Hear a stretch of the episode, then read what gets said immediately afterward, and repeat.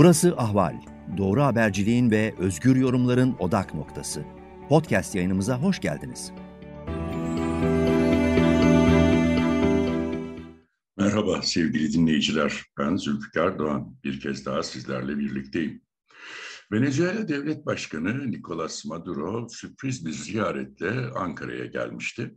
Maduro geldikten sonra siyasi kulisler biraz hareketlendi. Çünkü daha önce de e, Türkiye ile Venezuela arasındaki ilişkilerde son dönemde e, sıcak gelişmeler oldu. İlişkiler oldukça ileri düzeye gitti. Hatta Cumhurbaşkanı Erdoğan da Maduro arasındaki kişisel dostluk da çok ileri boyutlara vardı. Ve bunun arkasından da Venezuela altınlarının Amerikan e, yaptırımları altındaki Venezuela altınlarının Türkiye'ye getirileceği ve Türkiye'de işleneceği yönünde e, girişimler başladı. Hatta bu girişimlerin ilk adımı 2018 yılında atıldı ve yaklaşık 1 milyar dolarlık 26 tonluk Venezuela altında Türkiye'ye geldi. Ancak hatırlayacaksınız o dönemde Amerika Birleşik Devletleri Venezuela'ya ve Maduro'ya uyguladığı yaptırımlar çerçevesinde e, Türkiye'yi uyarmıştı. Çünkü eğer e, bu yaptırımlar delinmeye çalışılırsa e, Türkiye'nin de yaptırım kapsamına girebileceği yönünde uyarılar iletilmişti Ankara'ya.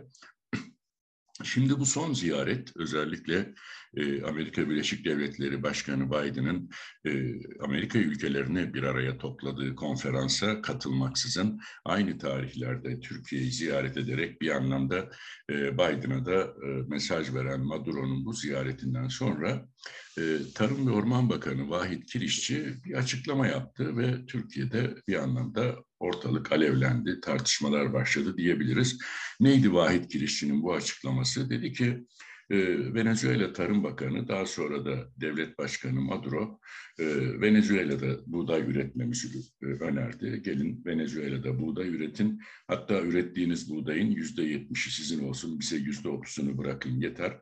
Bu yüzde yetmiş üreteceğiniz buğdayı da dışarıda satıyor musunuz? Ne yapıyorsanız yapın dedi. Tabii Türkiye'de özellikle e, tarım sorunlarının ağırlaştığı, gıda fiyatlarının üç haneli oranlarla arttığı bir dönemde e, böyle bir e, teklif ve bunun gündeme getirilmesi tartışmalara yol açtı. Neden? Çünkü AKP iktidarları döneminde Türkiye tarımında ve hayvancılığında çok ciddi bir gerileme söz konusu. İktidarın öncelikli tercihi e, yerli üreticiyi terbiye etmek için ithalat kapılarını ardına kadar açmak oldu.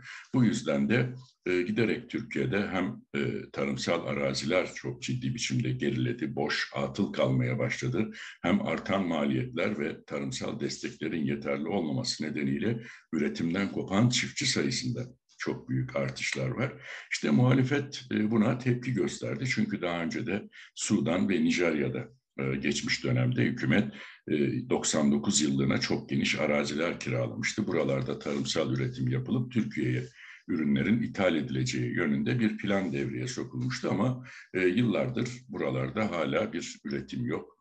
E, bir gelişme olmadı. Şimdi e, Türkiye'ye 10.500 kilometre uzaklıkta uçakla bile 20 saatte ancak gidilebilen mesafedeki Venezuela'da Türkiye buğday üretecek ve bu buğdayın %70'ini de e, kendi inisiyatifiyle kullanacak, satacak, ihraç edecek veya Türkiye'ye getirecek. Maduro neden böyle bir e, imkan sundu Türkiye'ye. Çünkü e, bugün tepki olarak yapılan açıklamalara baktığımızda Cumhuriyet Halk Partisi'nin e, tarımda uzman milletvekillerinden Fethi Gürer dedi ki e, yani siz halkla, çiftçiyle, üreticiyle dalga mı geçiyorsunuz? E, Türkiye'de milyonlarca hektar tarım arazisi boş. Üretici ürünün karşılığını alamıyor. Hatta üretmekten kaçıyor. Köyler boşalıyor ama siz Venezuela'da buğday üretme e, peşine düştünüz buna yapacağınız e, yatırımları, harcamaları yerli üreticiye yapın çağrısında bulundu. Türkiye Ziraat Odaları Birliği buna yine tepki gösterdi. Gerçi e, Başkan Şemsi Bayraktar hükümetle fazla karşı karşıya gelmeme düşüncesinde olan bir başkan. Yıllardır da e, tıpkı e, Türkiye Esnaf ve Konfederasyonlar Birliği, e, Türkiye Odalar ve Borsalar Birliği gibi milyonlarca üyesi olan esnaf, sanayici, iş adamı örgütleri, odalar gibi ziraat odaları da e, iktidarın politikaları karşısında e, tepki göstermek yerine suskun kalmayı tercih etti. Ancak 12 Haziran Toprak Günü, Toprak Bayramı, e, Türkiye'de Toprak Kanunu'nun çıktığı ve yürürlüğe girdiği tarih Cumhuriyet'in başlangıcında o nedenle Toprak Bayramı olarak kutlanıyor. Fakat Şemsi Bayraktar dedi ki e, üretici öyle bir haldeki bayramı kutlayacak hali kalmadı. Çünkü e, ne toprak değer görüyor Türkiye'de ne üretici değer görüyor. E, bir kenara itilmiş vaziyette 2002'de Türkiye'de tarım arazilerinin, ekilebilir arazilerin toplamı 26 milyonun üzerinde e, hektar 26 milyon hektarın üzerindeydi ama 20 yılın sonunda yaklaşık 4 milyona yakın bir arazi, ekilebilir arazi atıl durumda boş. Çünkü üretici ekemiyor, maliyetler e, ve diğer unsurlar nedeniyle e, çiftçi kayıt sistemindeki çiftçi sayısı da hızla düşüyor dedi. E, bir anlamda AKP iktidarlarının 20 yılda Türk tarımını getirdiği tabloyu resmetti Ziraat Odaları Birliği Başkanı ancak isim vermeksizin bu eleştirilerini gündeme getirdi. Şimdi birdenbire Venezuela'da buğday üretiminin e, gündeme gelmesi ve bunun e, ciddi bir şekilde hükümet tarafından ortaya atılması, bu projenin e, gündeme taşınması acaba e, uzunca bir süre Erdoğan'la Maduro Ankara'daki buluşmada baş başa görüşmüşlerdi. Başka bir takım şeyler mi var bu görüşmelerin perde arkasında tartışmalarını ortaya atılmasına yol açtı. Siyasi kulislerde özellikle Amerika Birleşik Devletleri'nin Rusya-Ukrayna savaşından sonra uluslararası petrol piyasalarında, enerji piyasalarında ortaya çıkan kriz tablosu nedeniyle Venezuela'ya yaptırımları gevşetmeyi gündemine aldığı belirtiliyor. Bazı Amerikan şirketlerine Venezuela'da petrol üretimi faaliyetinde bulunmaları için izin verileceği yönünde e, Amerikan medyasına da yansıyan bilgiler var. Acaba böyle bir tablo olursa Venezuela petrolünü çıkartıp satmaya başlarsa Türkiye özellikle Maduro ve Erdoğan arasındaki kişisel dostlukla e, indirimli e, petrol alabilir mi? Yine Venezuela altınlarının Türkiye'ye getirilmesi söz konusu olabilir mi? Ve bu da buğday karşılığında Venezuela'da üretilecek buğday karşılığında işte indirimli petrol ve altın getirilerek seçim öncesi iktidara bir nefes aldırabilir mi e, soruları soruluyor ve bu sorular içinde e, muhtemelen Maduro'nun e, bu yönde e, dostu olarak nitelendirdiği Cumhurbaşkanı Erdoğan'a bir destek sağlayabileceği hatta e, kendisi ekonomik kriz içinde olmasına rağmen Venezuela Merkez Bankası ile Türkiye arasında bir swap anlaşmasının da yapılabileceği kaydediliyor. Bütün bunlar siyasi kulislerde ortaya atılan iddialar çünkü e, durup dururken böyle bir buğday üretimi e, konusunun gündeme getirilmesi, üstelik Türkiye'de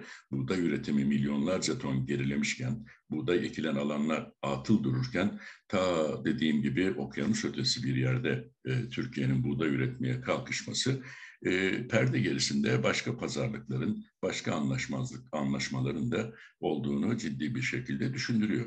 Önümüzdeki günlerde sanıyorum bunlar biraz daha netleşecek. Çünkü Toprak Mahsulleri Ofisi'ne de Maduro'nun ziyaretinden hemen sonra e, bir yetki verildi. Cumhurbaşkanı yetkisiyle e, Toprak Mahsulleri Ofisi ihale açmaksızın doğrudan buğday ve diğer hububat ürünlerini, tarımsal ürünleri alabilecek, e, satıcı ülkenin devlet kurumlarıyla protokoller yapabilecek.